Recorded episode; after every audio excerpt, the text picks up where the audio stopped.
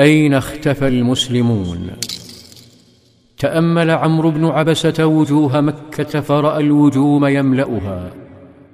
أما النبي الذي جاء يبحث عنه فمستخف عن الأنظار وقومه يتسلون باختراع التهم له وشتمه في مجالسهم لذا تلطف في سؤاله حتى تمكن من الوصول إليه.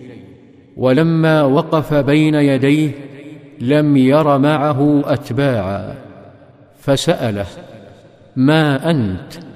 قال أنا نبي. قال وما نبي؟ قال أرسلني الله. قال عمرو وبأي شيء أرسلك؟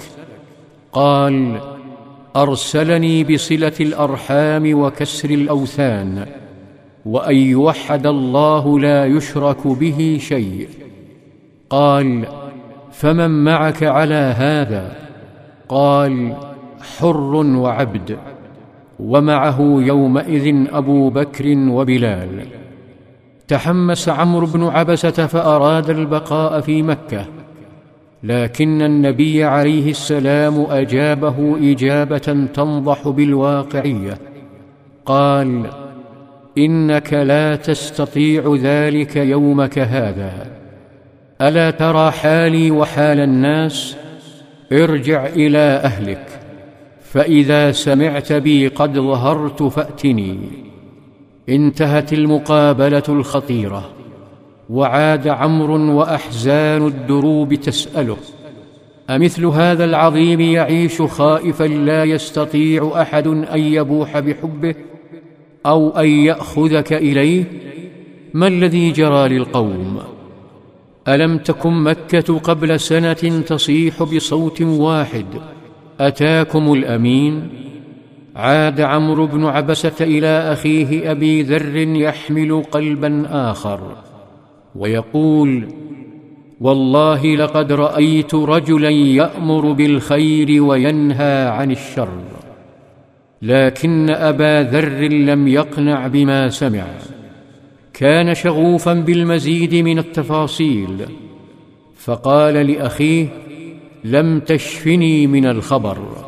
ثم نهض أبو ذر وملأ جرابه بالزاد وأخذ عصاه وامتطى راحلته. يريد أن يكتشف بنفسه ما الذي يجري في مكة. أما في مكة فيتسلل شاب وشابة من بيتهما نحو النبي عليه السلام ليسلما عليه. هما سعيد ابن منقذ الرضيعات زيد بن عمرو بن نفيل وزوجته فاطمة بنت الخطاب. ثم يعودان لبيتهما سعيدين خائفين.